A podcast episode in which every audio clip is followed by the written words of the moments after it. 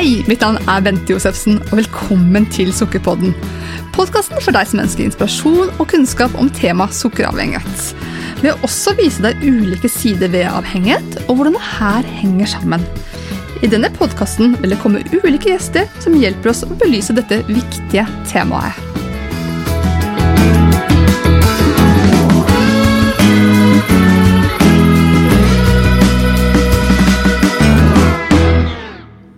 Med meg i dag så har jeg Nina Hansen.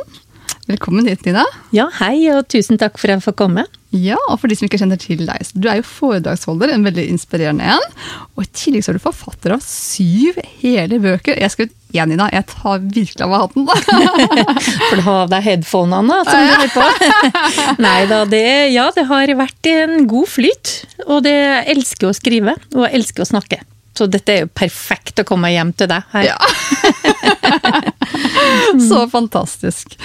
Og du er jo også aktuell med en ny bok til høsten, altså høsten 2021.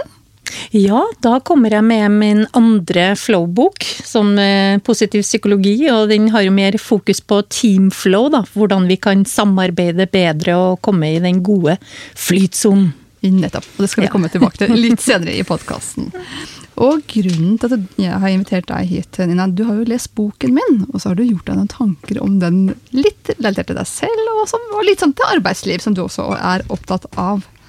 Ja, jeg må jo bare si gratulere, Bente. fordi at det er altså Jeg tror du skrev i boka jeg håper du får litt kunnskap, og at du eh, syns også kanskje den er litt morsom, sa du til meg. Og jeg har fått altså så mye kunnskap, og har anbefalt boka lenge før jeg egentlig sjøl leste den. Ja. Og jeg må si det er et viktig, et viktig stykke arbeid du har gjort, så burde, det burde vært pensum, rett og slett. I, når jeg vokste opp, så var det noe som het hva var det, heimkunnskap. Ja, Jeg syns rett og slett den boka skulle rett inn på et eller annet som heter heimkunnskap, for det, det her tror jeg alle kan lære noe av. Familier, unge, gamle, sånne som oss, midt imellom. Ja. Ja, absolutt. Og jeg tenker, jeg så har en drøm om at alle som jobber innen helsevesenet, skulle lese lest denne boken. Ja, jeg har også en drøm nå etter å ha lest den, eh, at eh, folk i arbeidslivet tar, eh, tar dette seriøst. Og vi har jo, ikke sant, du skriver om avhengighet, og vi har jo Akan-kontakter for, mm. for folk med kanskje alkoholproblemer, eller vi har HMS, vi har verneombud. Kanskje rett og slett vi kunne hatt noe som vi kunne ha kalt for ja, ja, sukkerombud, eller sukkerkontakt på alle arbeidsplassene. Det syns jeg er en faktisk god idé. Ja, dette var fin poeng, Nina. Du får den helt gratis. Ja, for man kan jo lure på hvor mange sykemeldinger som egentlig har en avslag i bunnen der, som eh, jeg er innom i boka, da. Ja, og jeg tror veldig mange av oss kjenner oss igjen.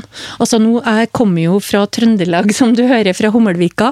Og jeg vokste jo opp med et liv, familieliv uten sukker. Ja. Sukker det var liksom forbeholdt lørdagene, og da hadde vi det derre lørdagsgodteriet. Ja. Og så De eneste gangene vi fikk sukker, det var når mora mi ville vi skulle spise appelsin, for den var så sur, så da putta hun en liten sukkerbit inni appelsina. og da fikk vi sukker. Og så Ja. hintet seg på sommeren vi fikk iskrem, sånn kroneis, da. Ja. Men ellers så var det veldig lite sukker i min oppvekst, altså. ja. Hm. Kanskje det var like bra? Ja, altså det var jo en sånn eh, eh, Jeg kom jo fra en familie, fiskefamilie, så vi spiste jo fisk alle dagene unntatt søndagene og lørdagene. Lørdagene hadde vi kjøtt. Ja. Nei, søndagene hadde vi kjøtt, og lørdagene hadde vi enten grøt eller pannekaker. Og da kan det være sukker eh, som vi fikk lov eh, til å ha, eller blåbærsyltetøy. Ja. Så du kan si, jeg vokste jo opp med den gode maten og smaken, og faren min var kokk, og broren min var kokk. Så jeg var jo ekstremt glad i mat, men heldigvis så har jeg akkurat i likhet med deg vært veldig aktiv. Så, så jeg kunne spise veldig mye når jeg var veldig ung, da. ja, nettopp. Mm. Men, men det er jo klart jeg kjenner meg igjen også i det der eh, søtsuget som du skriver om, som veldig mange av oss har. Kanskje sånn trøstespising. Du, du har tidligere i podkaster sagt at det, det er en klisjé det at vi spiser is når vi har kjærlighetssorg og sånn, og en hel treliter. Men det er faktisk ikke en klisjé for meg, for jeg har gjort det sjøl veldig mange ganger. Nå har jeg jo hatt noen eh, forhold bak meg, og jeg må si at eh, det er lett å ty til noe søtt når man er trist og lei, og, og kanskje når jeg begynte å studere da, i Trondheim, så, så sleit jeg veldig med hvordan jeg skulle komme i gang med, med studiene, for jeg mangla motivasjon. Og for å få motivasjon, så spiste jeg nesten opp hele studielånet mitt. Oi, Ja. dette er interessant. Ja, så jeg fikk faktisk eh, bulimi, da. I starten. Jeg var så ensom, så du kan si Jeg har, jeg har også vært åpen om det, for jeg, jeg mener det er viktig at man snakker om sånn, for det, det med forhold til mat er veldig personlig, og det er vel liksom litt sånn flaut å snakke om. Men, men jeg syns det er så viktig, for det henger sammen med velvære, og det syns jeg du får fram veldig godt i boka, at det, det påvirker liksom hvordan livene våre er, og hvordan eh, vi sover, og formen, da. Så, så til meg så ordna det seg når jeg fikk kjæreste, da, etter hvert i studiene, for da ble liksom maten litt mer regulert. Ja, nettopp. Så du opplevde at det var for deg et forbigående problem? Ja, men eh, fortsatt i dag så er jeg jo der at jeg, hvis jeg er trist og lei, så er det lett å gå og finne en sjokolade eller en isen, da. Men det går jo faktisk nå an å kjøpe is uten sukker òg. Ja. Så har jeg oppdaga, og jeg må si når jeg begynte å lese boka di, og det høres litt rart ut, så begynte jeg helt bakerst, og så gikk jeg framover. Ja. For på slutten så er det så mange nydelige oppskrifter og bilder. Jeg er jo også venn med Trine Sandberg, som har Trines matplagg. Og jeg syns det at det er så inspirerende å se på bildene og begynne å lage maten. Ja. Og så gikk jeg bakover, for da starta jeg med alt som gikk bra. Altså, Og så leste jeg meg framover, så fikk jeg problemene akkurat nå i går kveld. Leste, for da leste jeg starten, ikke sant? Men det, sånn, det var en sånn deilig måte å lese boka på. Bakvendtland, Ja, For da starter du med det mest positive, og så går du tilbake til problemet. Så les slutten en gang til, da. Ja, Nei, men altså, jeg, sier jeg, må, jeg innrømmer at jeg, jeg syns den boka er kjempebra. Alt som har med mat og kosthold og sånn. Og så skulle jeg ønske at jeg kjente deg litt før. Ja. Fordi som du vet, så har jeg jo skrevet en del livsstilsbøker, jeg òg. Og du kan si akkurat det med pustekapitlet var veldig kort. Jeg har jo skrevet en hel bok som heter Pusten, så om dette Så der skulle jeg gjerne hatt bidratt litt. Og så tenker jeg også, du snakker litt om trening. Du, du sier ikke at du hater trening, men du, du er ikke akkurat sånn kjempeentusiastisk heller, da. På trening. Du, du har jo skrevet litt om det, jeg vet det, altså. Men jeg har jo skrevet en hel bok om det òg. Fra, fra sofagris til maraton. Så der skulle jeg gjerne ha hatt en liten finger med i spillet, da. Jeg er ikke antitrening, jeg har trent masse i livet. Det er mer at vi ser det i starten når man skal legge om kostholdet. Så ikke bruk opp viljestyrken på trening i starten, men introduser det veldig gjerne etter hvert. Ja, Ja. og jeg er helt enig med deg. Ja. Det er litt sånn som hvis man skal slanke seg, så er det jo ikke lurt å trene, for da blir du helt slapp, ikke sant. Og, og jeg vet jo at boka ikke handler om det, men Ja. eh, heller om livsstil, så, så jeg er enig med det, altså. Men, eh, og her tenker jeg at eh, det viktigste er at vi har veldig mange felles Mm. interesser. Og det henger jo sammen, det fysiske formen også, i forhold til hvordan du kommer det gjennom krisa, da. Nettopp det. Men du skal få være medredaktør på min neste bok. Jeg har det på tape. ja, det har du. Ja, nei da, så jeg må si jeg syns det er en kjempefin bok, og, og den måten du har liksom uh, fortalt din historie på, det er så befriende og ærlig og åpent at jeg tror veldig mange vil kjenne seg igjen det søtsuget som du hadde liksom den gangen, og, og det at, du, at det er et skambelagt område å snakke litt om det med sukkeravhengighet, det syns jeg du klarer å liksom slå en strek over at nå skal vi ikke skamme oss lenger. Nei. Nå skal vi faktisk ta tak i det og gjøre noe med det. Mm. Så, så det, det syns jeg du, du gjør i den boka, og jeg må si det er fantastisk å få lov til å komme på den podkasten her, for jeg har sett på dine tidligere gjester, og det, det er veldig mange som har fortalt sterke historier på din podkast, altså. Ja, virkelig. Jeg er utrolig ydmyk på alle som har kommet hit og delt sine historier. Det er helt fantastisk. Ja, og så syns jeg det der med avvenningskuren som du forteller om, og stegvis og sånn, det er altså så spennende å se hvordan du skreller løk, som du sier. Du Ja. kommer inn til altså, Jeg elsker mange av de ordene du har brukt òg, da. Og du blir kjent med deg litt selv inni, inni den her løken, da. Og, og se endringer, og, og kjenne den gleden du får etterpå. Det er, det, er så, det er, så, naturlig og så autentisk at jeg tror folk Jeg har lest boka di, jeg har lest den to ganger nå, da, bare for jeg skulle komme hit. Men jeg, men jeg syns det er så mye fine eh, ja, passasjer og ting som du kan huske å ta med deg i livet. Åh, takk, Nina. var veldig glad. Og hvis noen tilfeldigvis ikke skjønner hvilken bok vi snakker om, så heter den da 'Sukkeravhengig'. Bli frisk uten sukker. Og den kan man få tak i egentlig overalt. Eh, blant annet på ark.no, Nordli.no. Ja. Alle bokhandlere skal kunne skaffe denne boken. Mm. Og bestille på nett. Ja. ja. Helt riktig. Ja. Så den er tilgjengelig overalt, skal være. Mm. Så, ja, men Det er utrolig hyggelig å, å høre, Nina. Men Tenker du at du basert på den boken vil gjøre noen endringer i ditt liv? Vet du, Det der sa jeg til barna mine like før jeg kom hit, og når jeg kommer fra denne podkasten, så kan det hende jeg tar imot en utfordring. at jeg skal i hvert fall holde meg uten sukker én dag eller én uke eller én måned. Kanskje en uke fra nå av. Ja, Det kan jeg prøve på. For jeg tenker det er så skummelt når du sier vi skal slutte med sukker og alt de produktene som du nevner i boka. Fordi at det er noe med at jeg har hatt en sånn uh, greie i livet at jeg tenker altså alt med måte, da. Mm.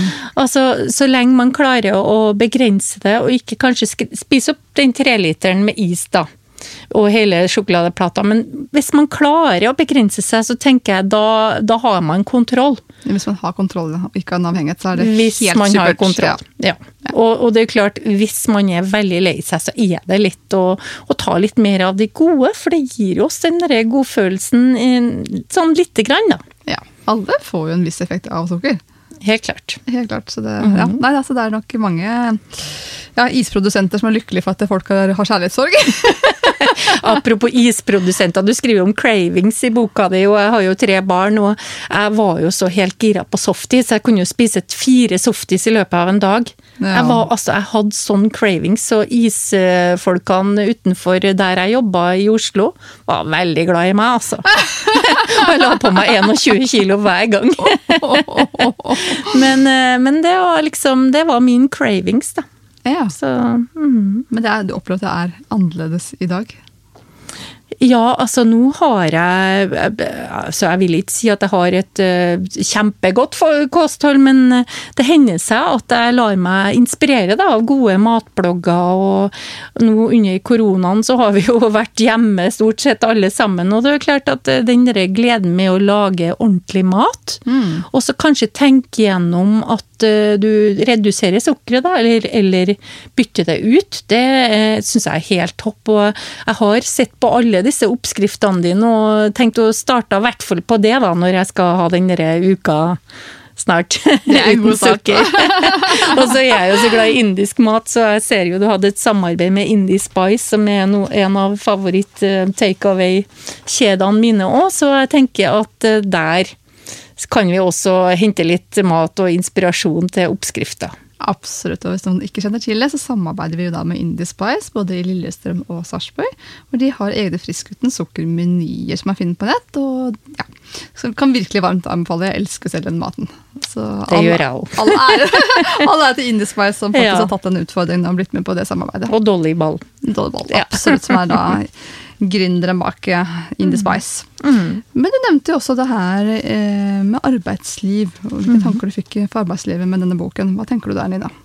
Ja, jeg sa det jo litt uh, i ja. stad, at uh, jeg tenker veldig mange arbeidsplasser har jo veldig mye kakeparty og vaffelkos og alt det der. Og det, altså, det høres kanskje litt rart ut, men det finnes jo folk på jobb, arbeidsplasser som nesten pusher på deg. Iskrem på en fredag og jordbær, men ta litt is nå da, ta litt. Det er mm. sånn, jeg holdt på å si sugar mamma og sugar papa, men det betyr jo noe helt annet. Men, men det er litt sånn skummelt skummelt det der, for da blir man veldig pressa, og da kanskje man føler litt skam da, for at eh, man har sukkeravhengighet, som en del har, som du har også skrevet om og, og fortalt om i disse programmene. Og da er det vanskelig å si nei. Mm, Og bare en, en sånn liten eh, iskrem på fredagen kan kanskje ødelegge nattesøvnen, eller gjøre gjør deg urolig i løpet av helga. Så jeg tenker at arbeidsgivere, og kanskje også tillitsvalgte, da, bør tenke litt gjennom at eh, det er ikke bare kanskje folk med problemer med alkohol eller andre problemer, men også kanskje folk som, som ikke takler sukker. Og da må man tenke gjennom å gi noen alternativer. Altså, det er jo veldig mange arbeidsplasser som har en godterskål stående og, og kake og sånn. og Kanskje man kunne hatt noen alternativer, eller i hvert fall bakt kaker uten sukker. Ja. Så jeg tenker at det her er en Det, det kan bli et arbeidsmiljøproblem og det hvis folk føler seg utafor. Og det er liksom sånn, det er, som du skriver om i boka, at det, det er kanskje litt sånn skam over det å spørre har du mat uten sukker. Og når du skal på et party og bursdagsparty, og ikke vil, eller bryllup som du skriver om, og ikke vil smake på bryllupskaka, så er det litt sånn skambelagt. Ja, ja, det er mange syns det er vanskelig å forklare det her. Og, det, og som du sier også med arbeidsplass, at man blir møtt med kanskje kaker og godteri på pauserommet. Til, så jeg har hatt eh, ja, masse helsepersonell på mine kurs og program. Og så kan man klare at oi, denne uken her hadde vi kake fem dager på rad på personalrommet. Så det, det sier jo ikke rent eh, lite. Og også kan man se at det kan- bedrifter kanskje kjøper en påskeegg da, til de ansatte. ikke sant? Eh, Det fikk jeg. og det verste var at jeg spiste opp hele posen første dagen. Ja, nettopp. Jeg har synda. Ja. Bort med skammen din. Ja. Nei, men eh, jeg må innrømme at jeg har vel vært litt sånn redd for å ha vært avhengig av sukker. For å Ja, jeg, jeg kjenner meg igjen, som sagt, i veldig mye av det. Og jeg er faktisk litt sånn redd for det å bli avhengig av noe sånn mat, da. Stort sett fordi, eller drikke òg, for den saks skyld, men, men det er litt sånn Ja, det, det er noen tanker du har deg, og jeg tror det er kanskje vanskeligere for folk som er alene og single, så skal liksom eh, trøste seg sjøl, holdt jeg på å si. Mens, mens hvis du har en stor familie, så skal du lage middag til alle, og da kan man liksom ta mer styringa og, og vite mer hva man putter i seg. Jeg tror det kan slå begge veier, faktisk. For det er de som også forklarer at det fordi de har familie, så kan det være vanskeligere å ha et hus fritt for sukker fordi man har barn og det er forventning om at noe skal være tilgjengelig. Så at noe, For noen oppleves det lettere å være alene, for da har man ingen å ta hensyn til. Men for de som opplever at det å være alene blir ensomt, Ja. så kan jo det trigge noen følelser. Ja, det er noe med det, ikke sant? Den derre sultefølelsen og savn. Ja. Og jeg tror jo, det var jo senest på nyhetene denne uka her, at det veldig mange er, føler seg alene. Og, og jeg skrev jo en blogg i går om ensomhetspandemien, som jeg tror det er litt viktig at man eh, kanskje ikke trøster seg med mat og drikke, men kanskje gjør noe som man syns er artig, da. Høre på god musikk gå seg en tur, danse på bordet, eller hvis man er i den formen. Men gjør noe annet enn bare å ty til kjøleskapet. Ja. For det er noe med Jeg merker jo, jeg har jo unger sjøl, de går jo sånn litt sånn automatisk inn til kjøleskapet. Det første man gjør når man går inn i et hus. I hvert fall hvis man kjenner huset. Ja. Så, så Eller du er hjemme og besøker foreldrene dine eller søsken, så går du liksom inn i kjøleskapet. Det er jo helt uh, sinnssykt at vi går inn i kjøleskapet, men det er veldig det som automatikk, nesten. Ja, det er mange som har det mønsteret og går skytteltrafikk dagen lang. Ja, og åpner og er det, det er ikke noe nytt her nå heller, nei. det er noe med å vente på at påskeharen skal bare komme ut med noe, noe godt. Nei, men det er litt sånn rart, det der, Ja. Absolutt. Det er spennende Nina, å høre dine tanker om, eh, om boken og din relasjon til mat. Men du er jo en utrolig allsidig dame, Nina. Og du har jo vært og reist mye rundt omkring i verden. Så jeg tenkte at dette her, eh, da, da du fortalte meg litt av de historiene vi skal innom nå, så ble jeg altså så heltent. og tenkte at den, dette her fortjener verden å høre. Nå vet ikke jeg hvilken historie du forventer. Nei, Vi kan jo begynne med Kenya. Si litt om hva, hva er det du har gjort i Kenya, Nina? Ja, jeg var jo så heldig at eh, en av mine første journalistjobber var jo i Kenya. Så jeg jobba jo to år som journalist i Daily Nation, eller det heter Taifa Leo, som det heter i, på swahili. Ja. Og der jobba jeg da i to år. Og det er jo klart, det var jo veldig spennende tid, og jeg er veldig glad i Kenya også fordi jeg driver jo med maraton, så vi har jo de beste løperne i verden. Ja. Så det er klart at det landet der har jeg, har jeg vært veldig glad i. Og det, det jeg merka når jeg kom eh, første gangen og besøkte eh, noen venner da, ute på landsbygda i Kenya, så slakta de meg jo ei hel geit bare fordi at jeg kom. Uh. Og det var liksom ikke hverdagskost, men det var sånn veldig høflighet. Og nå får vi liksom en stor besøk fra Norge, så nå slakter vi en geit. Ja. Og, og vi putter ris og, og grønnsaker i det. Det var altså Ute på landsbygda i Kenya så syns jeg det var veldig sånn eh, sunn kost og ganske sånn, men, men det jeg merka når jeg kom til Nairobi, det var at eh, det var ekstremt mange sånne folk som hadde toppjobber som journalister eller advokater, politikere, som spiste veldig mye kjøtt og veldig mye, mye søtt. Og jeg, lurte veldig på hvorfor gjør de det når du bor i et land med så mye grønnsaker og gode ting. Ja. Så var det liksom litt sånn Nei, det var Fikk forklaring at eh, etter eh, britene trakk seg ut, da, for det var jo et koloni, eh, så, så hadde de sitt britiske overklassen spise veldig mye kaker og kaffe og, og kjøtt, så de trodde det her må jo være veldig sunt.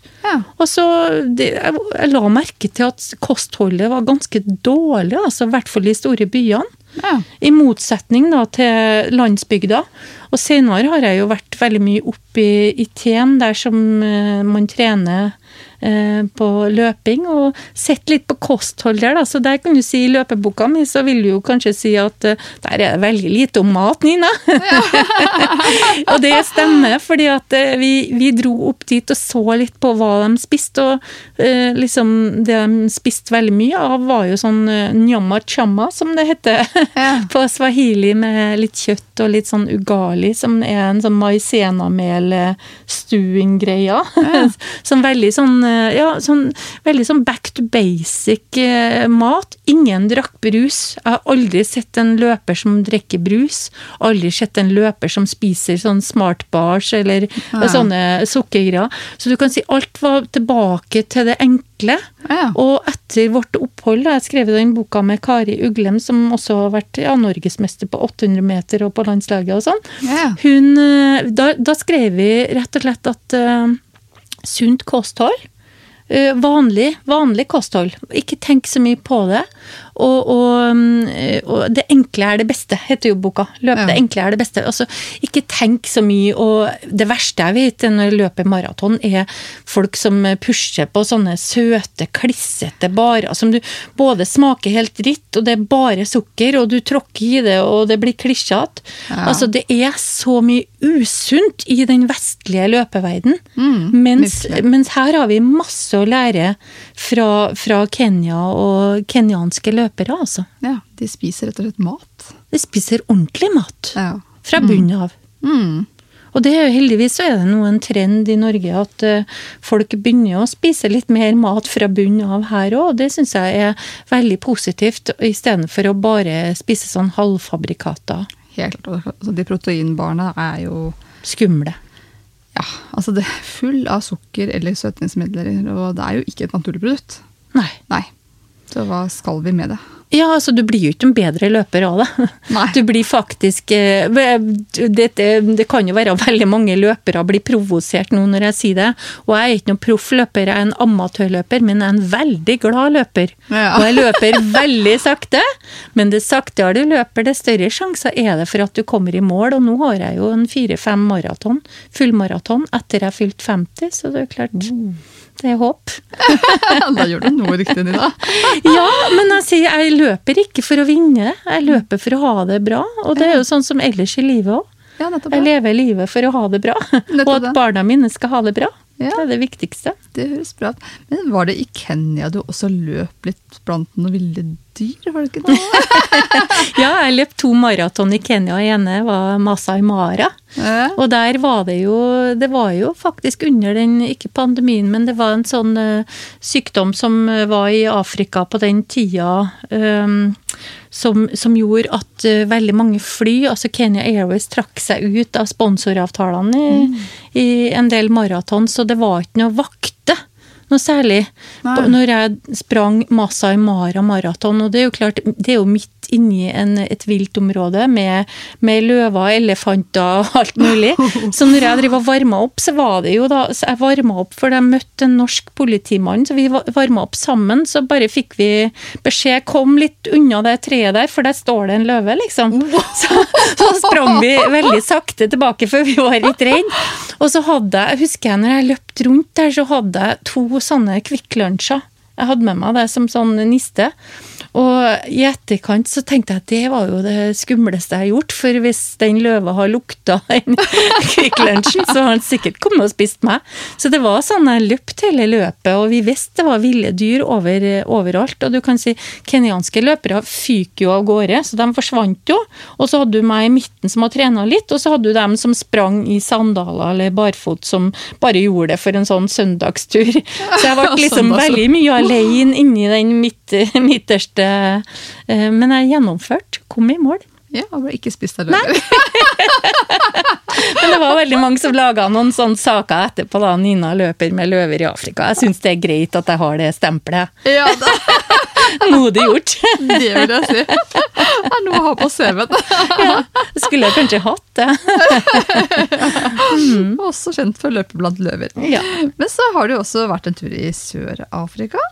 Ja, jeg er veldig glad i Sør-Afrika, og jeg har jo skrevet bøker også om sørafrikansk fagbevegelse og, og sånn tidligere. Så jeg har i 2018 var det vel før eh, pandemien, så var jeg i Sør-Afrika på en stor kongress, Kosato-kongress med en stor eh, greie. Og så var jeg og besøkte en del vingårder.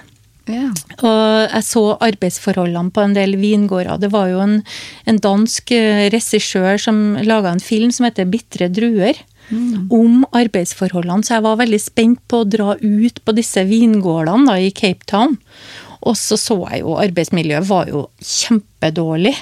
Og boligene var kjempedårlige, og betalingene var jo helt ille. Og verst var det for kvinner.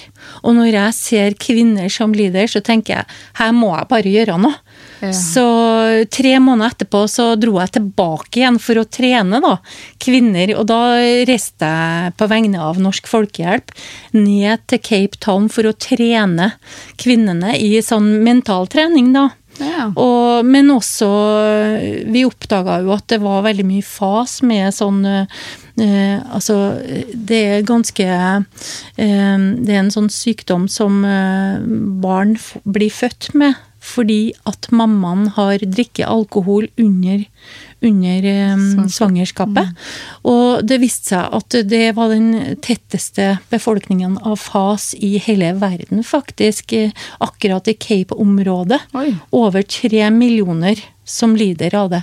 Oi. Og du kan si FAS, det er jo en, eh, det er en sånn eh, Det er så ille at skolen ikke er beredt på å ta dem, for det er jo veldig mange som er veldig urolig og sliter med konsentrasjon, og det, familier klarer ikke å ta vare på barna sine, og veldig mange havner da utpå, eh, enten i prostitusjon eller, eller alkoholisme eller sånn. Så det er det, det var altså så skremmende å høre historiene om hvordan dette hadde seg, da. Og det var jo sånn at kvinner har jo aldri blitt fortalt at du ikke skal drikke alkohol under svangerskapet. Og, og noen av dem fikk jo til og med betaling, som vin, for å jobbe på gårder. Så det var sånn Når vi dro tilbake, da, så hadde vi både mental trening, men også trening om hvordan du skal ha hva, hva du skal spise under svangerskapet. Så det var sånn, det var sånn ganske sterkt å, å oppleve dette, da. Og jeg tenker her må verden våkne opp, altså. Altså, du fikk altså vin som en lønn, altså Ja, penger? nok, noe deler. Delvis, da. Og du kan si at kvinnene jo da, var jo kanskje gift med noen som også jobba der og drakk alkohol, og var, eh, ofte så var jo svarte kvinner dobbelttapere og trippeltapere under apartheid, og spesielt disse som jobba, jobba på de gårdene. da. Mm. Men dette var jo lenge etter apartheid, altså, men jeg vil jo si at det nesten er litt sånn ennå i dag at det er veldig mange som lider, da. Ja, ja. Så, så da begynte jeg jo å se på Vinmonopolet og hvilke viner som kom fra det distriktet, så jeg slutta å drikke vin fra Sø Sør-Afrika, da. ja, nettopp. Litt på grunn av det. Og tenk på da alle de som da faktisk har utvikla avhengighet til alkohol, da, fordi at man Det er jo det skumle her, altså. Så, det, så man trenger jo liksom et prosjekt, tenker jeg. Solidaritetsprosjekt. Det, det handler om også kunnskapsformidling, da. mm.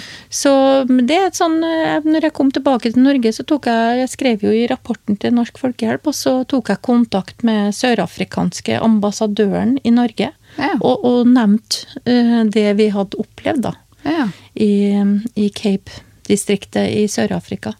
Men det er, sånn, det er et sånn hjertebarn som jeg skulle gjerne gjort noe med, og så tenker jeg ja, kanskje du kan få, få noen som hører på den podkasten her, og så tenker at det der vil jeg gjerne engasjere meg i. La oss starte en aksjon! Ja, gjør det, sier jeg. ja nettopp. Kan godt eh, komme og holde foredrag om det òg, hva vi opplevde i Sør-Afrika. Altså. Ja, det er jo litt av en historie å tenke på. Altså, altså det, for oss er det så selvfølgelighet da, Mm. at eh, man vet at man ikke skal drikke når man er gravid. Men klart Mm. når det da også til, til og med er deler av lønnen, og man ikke vet at det er fader engang, for noen konsekvenser det kan få for et helt samfunn da, og hele generasjonen. Ja. Altså det er, det er også det er ikke bare lønn og arbeidsvilkår, men det er også boligene som disse arbeiderne bor i. Det, det var helt grusomt. Det var kloakk overalt, det lukta Det var Altså, jeg har Jeg laga faktisk en podkast. Vi har jo en podkast der jeg jobber som heter Røsla. Så der kan folk faktisk høre den podkasten fra når jeg er på besøk da i den eh, landsbyen, da. Nettopp. Men kjenner Vinmonopolet til disse arbeidsforholdene da? Ja, Vinmonopolet har faktisk gjort en del eh, arbeid på det, og skrevet en del rapporter og sendt ned inspektører. Og, og, for det er jo flere utfordringer der. Det er jo liksom i forhold til eh, ja, det er jo ikke bare arbeidsforhold, men, eh, men eh, altså miljøskadelige stoffer som blir sprøyta og kanskje på folk da, mens de sitter og spiser lunsj. Så det jeg, jeg så en del av det òg, da. Så jeg, har- jeg har skrevet Jeg er jo journalist i utgangspunktet òg, så jeg skriver jo en del artikler. Jeg skrev i Agenda Magasin en artikkel om, eh, om utfordringene da, i Ja. vinindustrien. Så det, er, så det er jo litt oppmerksomhet rundt det. altså Både Vinmonopolet og Systembolaget har engasjert seg. Ja, så. Så for å prøve å gjøre noe, men det er klart at eh, det skjer, jeg vet ikke hva som har skjedd nå siden 2018, når jeg har vært der. da. Nettopp. Men jeg skulle jo reist tilbake, men det kan vi jo ikke i pandemien. Vi kan jo ikke reise noen plass. Nei, ikke. Så, så det er litt sånn frustrasjonen min. Jeg vil jo så gjerne ut og hjelpe folk, men nå må vi jo gjøre det hjemmefra. Ja. Mhm. Det er stort engasjement for mye, Nina. Ja. jo, men jeg ser jo det som du skriver om i boka om sukkeravhengighet og det med alkoholisme og sånn, ikke sant. Det er jo et utbredt eh, problem også i en del utviklingsland, da. Absolutt. Der man ikke kanskje har nok til å fø familien, så mm, kan det ofte oppstå eh, liksom litt sånn kriser, da. Absolutt, og klart, En del samfunn så er det billigere også å spise på McDonald's enn å lage hjemmelaga mat. Ja. For det ser du jo også i Norge, at eh, fisk og sånn som er sunt, er jo dyrt. Mm. For vanlige folk, og nå under pandemien så mange som har mista jobben, og vi ser jo køene eh, Nærmest, Vi har nesten fått sånn suppekøer, holdt jeg på å si, der folk kommer og ber om mat. Så eh, både på Romerike, der jeg bor, og i Oslo og eh, andre steder i Norge, så står det folk som ikke har mat på bordet. Ja. Så det er en eh, tankevekkende tid vi lever i, og jeg tror det er viktig å liksom tenke litt utover sin egen nese, da. Mm. Tenke solidaritet med ikke bare dem som er her og har jobb, men også de som ikke har en jobb, og ikke minst ungdommene våre som Ja. skal ut i eventuelt arbeidsliv. Mm. Absolutt. Altså den, ja. Hjemmeundervisningen er mye de er gjennom nå, disse ungdommene.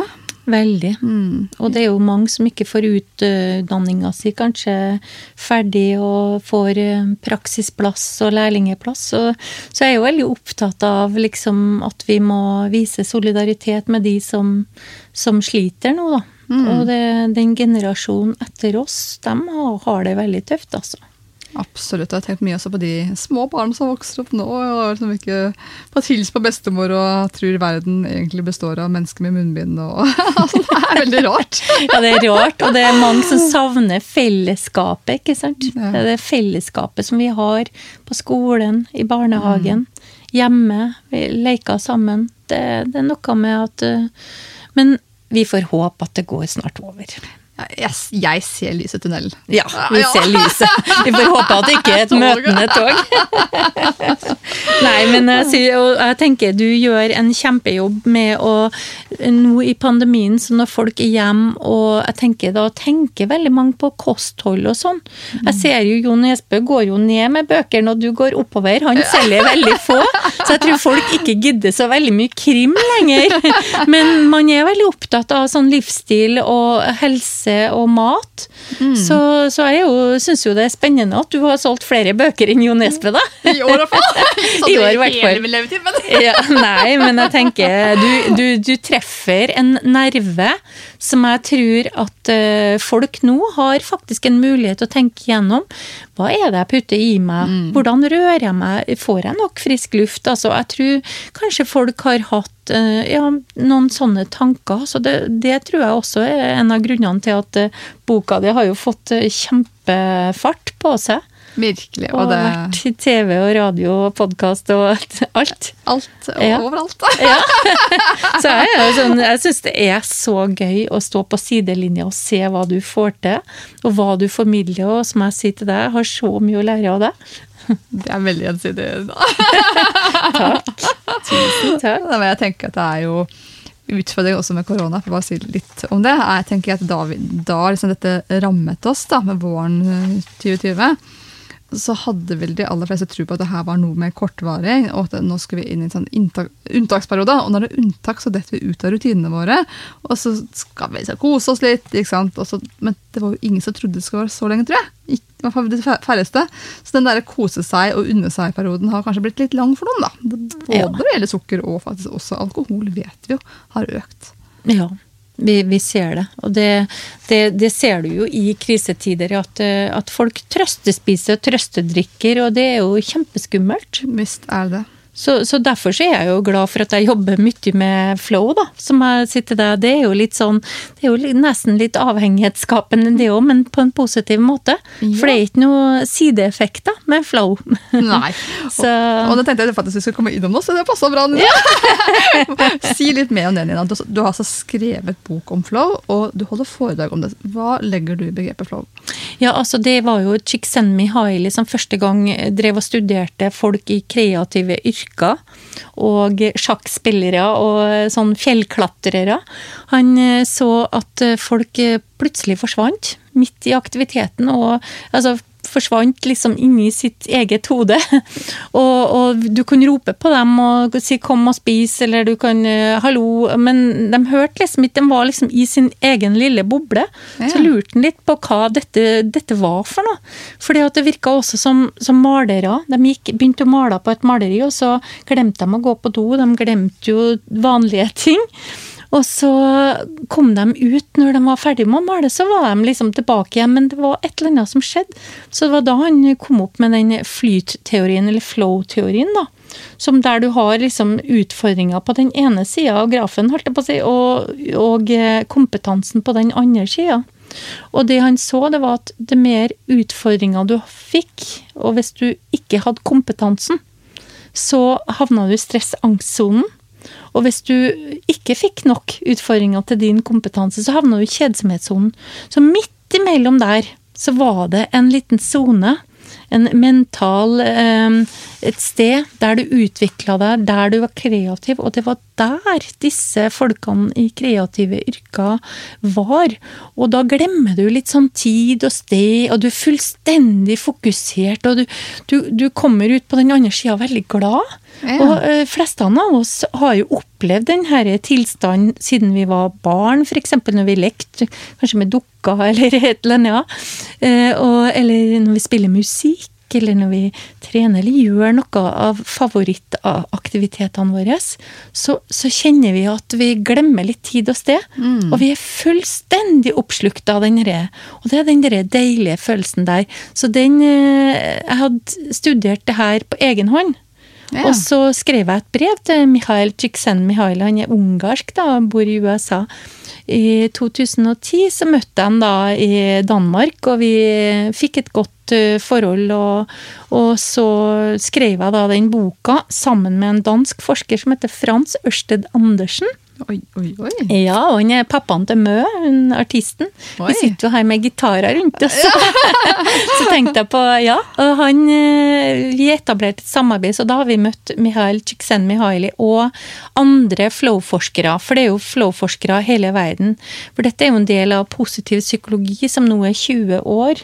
Ja. Så det er jo ikke noe, det er ikke noe sånn alternativ til vanlig psykologi, men det er et supplement, da. Ja. Der man ser på liksom flow, mindfulness, humor, godt arbeidsmiljø og alle disse tingene som vi er opptatt av, da. Eller jeg er jo veldig opptatt av akkurat disse tingene, da. Nettopp.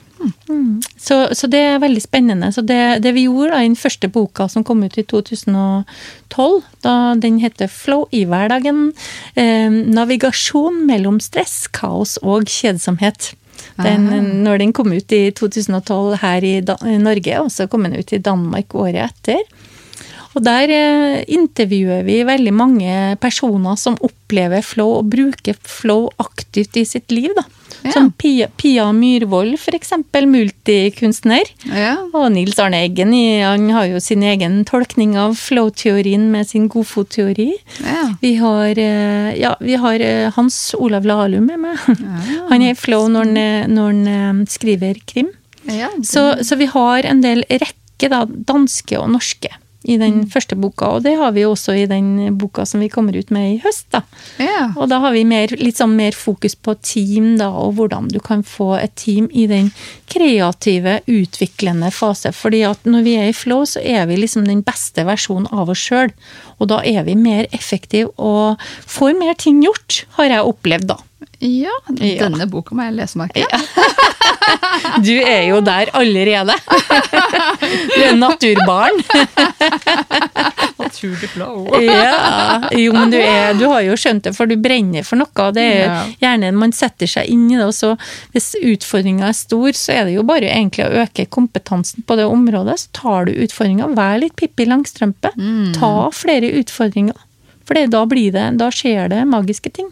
Nettopp. Så hvis vi vil ha produktive og kreative medarbeidere, så er dette her faktisk eh, nyttig kompetanse, tenker jeg. Helt topp. Og jeg mener, hvis du er gründer, entreprenør, og så skal utvikle noe, så utvikle noe som du brenner for og er i flyt.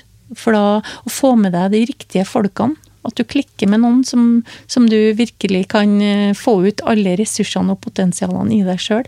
For ofte gjør vi det sammen med andre. Det er helt riktig. Sånn som vi gjør nå. Ja, sånn som vi gjør nå. altså, jeg, jeg nevnte jo innledningsvis at du er foredragsholder, Nina. Ja. Og du leverer jo både fysiske foredrag og over nett, ikke sant? Ja, Ja. nå syns jeg jeg har tatt en sånn egen transformasjon eh, og gått mer over til digitale foredrag. Ja, Ja. Og det er så gøy. Ja, og da tenker jeg det må jo være perfekt for arbeidsgivere disse dager. da. Altså, for Noen snakker om det var skjermtrøtt, men det er jo kanskje når man sitter og jobber med sine egne ting. Men det å få inspirasjon over skjerm, jeg tenker det kanskje er mer aktuelt enn noen gang. Helt klart. Og det er jo mange som snakker om Zoom-fatikk. Altså at Ja. du blir helt utslitt av å sitte og se på, på denne skjermen. Så jeg har jo en del foredrag også om det med pusteteknikker på hjemmekontoret. Hvordan du Ja. kommer, kan puste deg litt sånn mer bedre helse. Og også ja, eh, andre kurs da i forhold til eh, men, mental helse og inspirasjon og motivasjon, da. Som, som er flow, egentlig. Nettopp. Og jeg vet jo det er mange lyttere av denne podkasten som representerer arbeidsgivere, er ledere osv. Så, videre. så tenker jeg egentlig vil utfordre dere til å ta tak i nettopp arbeidsmiljøet i disse dager. For jeg tenker at ja, vi må ha avlyst veldig mye nå, men nettopp derfor er det kanskje viktig at vi hva kan vi nå gjøre for å inspirere alle de medarbeiderne. Og jeg snakker med ganske mange mennesker som sier at de sitter på hjemmekontor og holder på å fly i veggen av ensomhet, kjedsomhet. Så det kunne fått et sånn fått en inspirasjonskurs eller foredrag med deg, Nina. Kanskje mm. fått i gang noen felles prosjekter. Noe som kan gi en glød, ny glød. Kanskje det er på høy tid nå? Jeg drar gjerne ut der, hvor som helst i verden, og i Norge. Jeg reiser hele landet. Ja, men eh, nå er jeg jo klar for å reise veldig, akkurat ja. som alle. Og jeg gjør det gjerne digitalt òg, fordi at jeg vet, og jeg har alltid sagt at hvis folk er på flow-foredrag til meg og ikke er inspirert og motivert etterpå, så får de pengene tilbake. Ja, nettopp. Så jeg er veldig sånn klar på at dette er noe som alle har noe glede av, akkurat som med boka di. Jeg tror alle har noe glede av å lese den. Så tror jeg alle har noe glede, glede av å lære litt mer om hvordan de kan komme og sette seg sjøl inn i flyt, og bli mer kreativ, og bli mer effektiv, og utvikle seg sjøl. For da blir du også en mer glad person. Nettopp. Og hvis noen da, ikke hvis, men når, noen, når noen vil kontakte deg for et foredrag, hvordan kommer de i kontakt med deg? Ja, Det aller beste måten er å gå på samme lista som du er på. Vi er på talelisten.no. og Der finner du jo eh, våre foredrag, og kan også eh, kontakte meg på e-post Nina, også at også flowcom.no. Nettopp. Flow kom nå. Flow, ja. Eller kontakt ja. meg, så skal jeg formidle. ja. ja, så jeg, jeg, er en veldig synlig person. Jeg er på alle sosiale medier. Og jeg elsker å eh, motivere andre mennesker, og spesielt nå under pandemien. Motivere kanskje folk som har mista litt eh, gløden, da. Så prøver jeg å gi dem litt gnist tilbake. Det tror jeg på at du får til, Lina. Jeg sitter, jeg sitter her og gløder. Ja, du er fantastisk, og du ser bra ut. Å, takk i like måte. Her sitter du fantastisk rød kjole. Der var det jeg som var gleda, altså. Men det lyser opp. Ja, jeg er sånn kjent for damen i rød kjole. Ja, nydelig. og jeg syns også jeg, synes, jeg må si det, Den boka er bare så må, Nå har jeg skryta veldig av boka di, men det å se på problemer og utfordringer i et tiårsperspektiv er så kult. For da blir jo egentlig alle de små problemene vi har nå, så, så små. Ja, som regel gjør de det. For om ti år så gløder vi enda mer. Nettopp det. så jeg syns du har veldig mange gode tanker i boka og ting du deler. Tusen takk, det var veldig hyggelig. Men takk for at du gjestet Sukkerpodden i dag. Tusen takk. Det var vel fordi jeg er så søt at jeg fikk komme, ikke sant? Ja, ja, ja, ja. Siden jeg ikke spiser sukker, så må jeg bidra med andre søte ting i livet. jeg lurte på om det var en datingside, eller om det var noe Nei, det er bare tull. Hvis du har lyst på mer inspirasjon, så kan jeg på det varmeste anbefale min bok 'Sukkeravhengig bli frisk uten sukker'. Boken får du overalt hvor man selger bøker, men jeg kan bl.a. anbefale ark.no. I denne boken så lærer du om hva sukker gjør med kroppen vår, og hvorfor i all verdens rike har det kommet sukker i så mye som 80% av matvarene vi i dag får kjøpt på butikken. I tillegg så er det en del som handler generelt om avhengighet, hvordan all avhengighet henger sammen. Enten så kjenner vi noen, eller så kjenner vi oss litt truffet selv. Så er det en egen del om sukkeravhengighet, og faktisk den første norske boken som beskriver det her på en god måte. Så er det en bok som handler om hva gjør man hvis man ønsker å endre livsstil, enten man har en sukkeravhengighet, eller kanskje har bare det vi da beskriver som skadelig bruk av sukker. Og I tillegg så er det 40 fantastiske både sukker- og glutenfrie oppskrifter som svært mange kan ha glede av. Da snakker vi hele familien, og du kan invitere til fest når de er lov igjen, med disse oppskriftene. Så gå inn på arket nå og søk opp boken 'Sukkeravhengig bli frisk uten sukker' av Bente Josefsen, og håper du får glede av boken. Det var kjempehyggelig, og tusen tusen takk for jeg fikk lov til å komme. Kommer gjerne tilbake. Du skal få komme tilbake, Nina. Takk for nå. Tusen takk.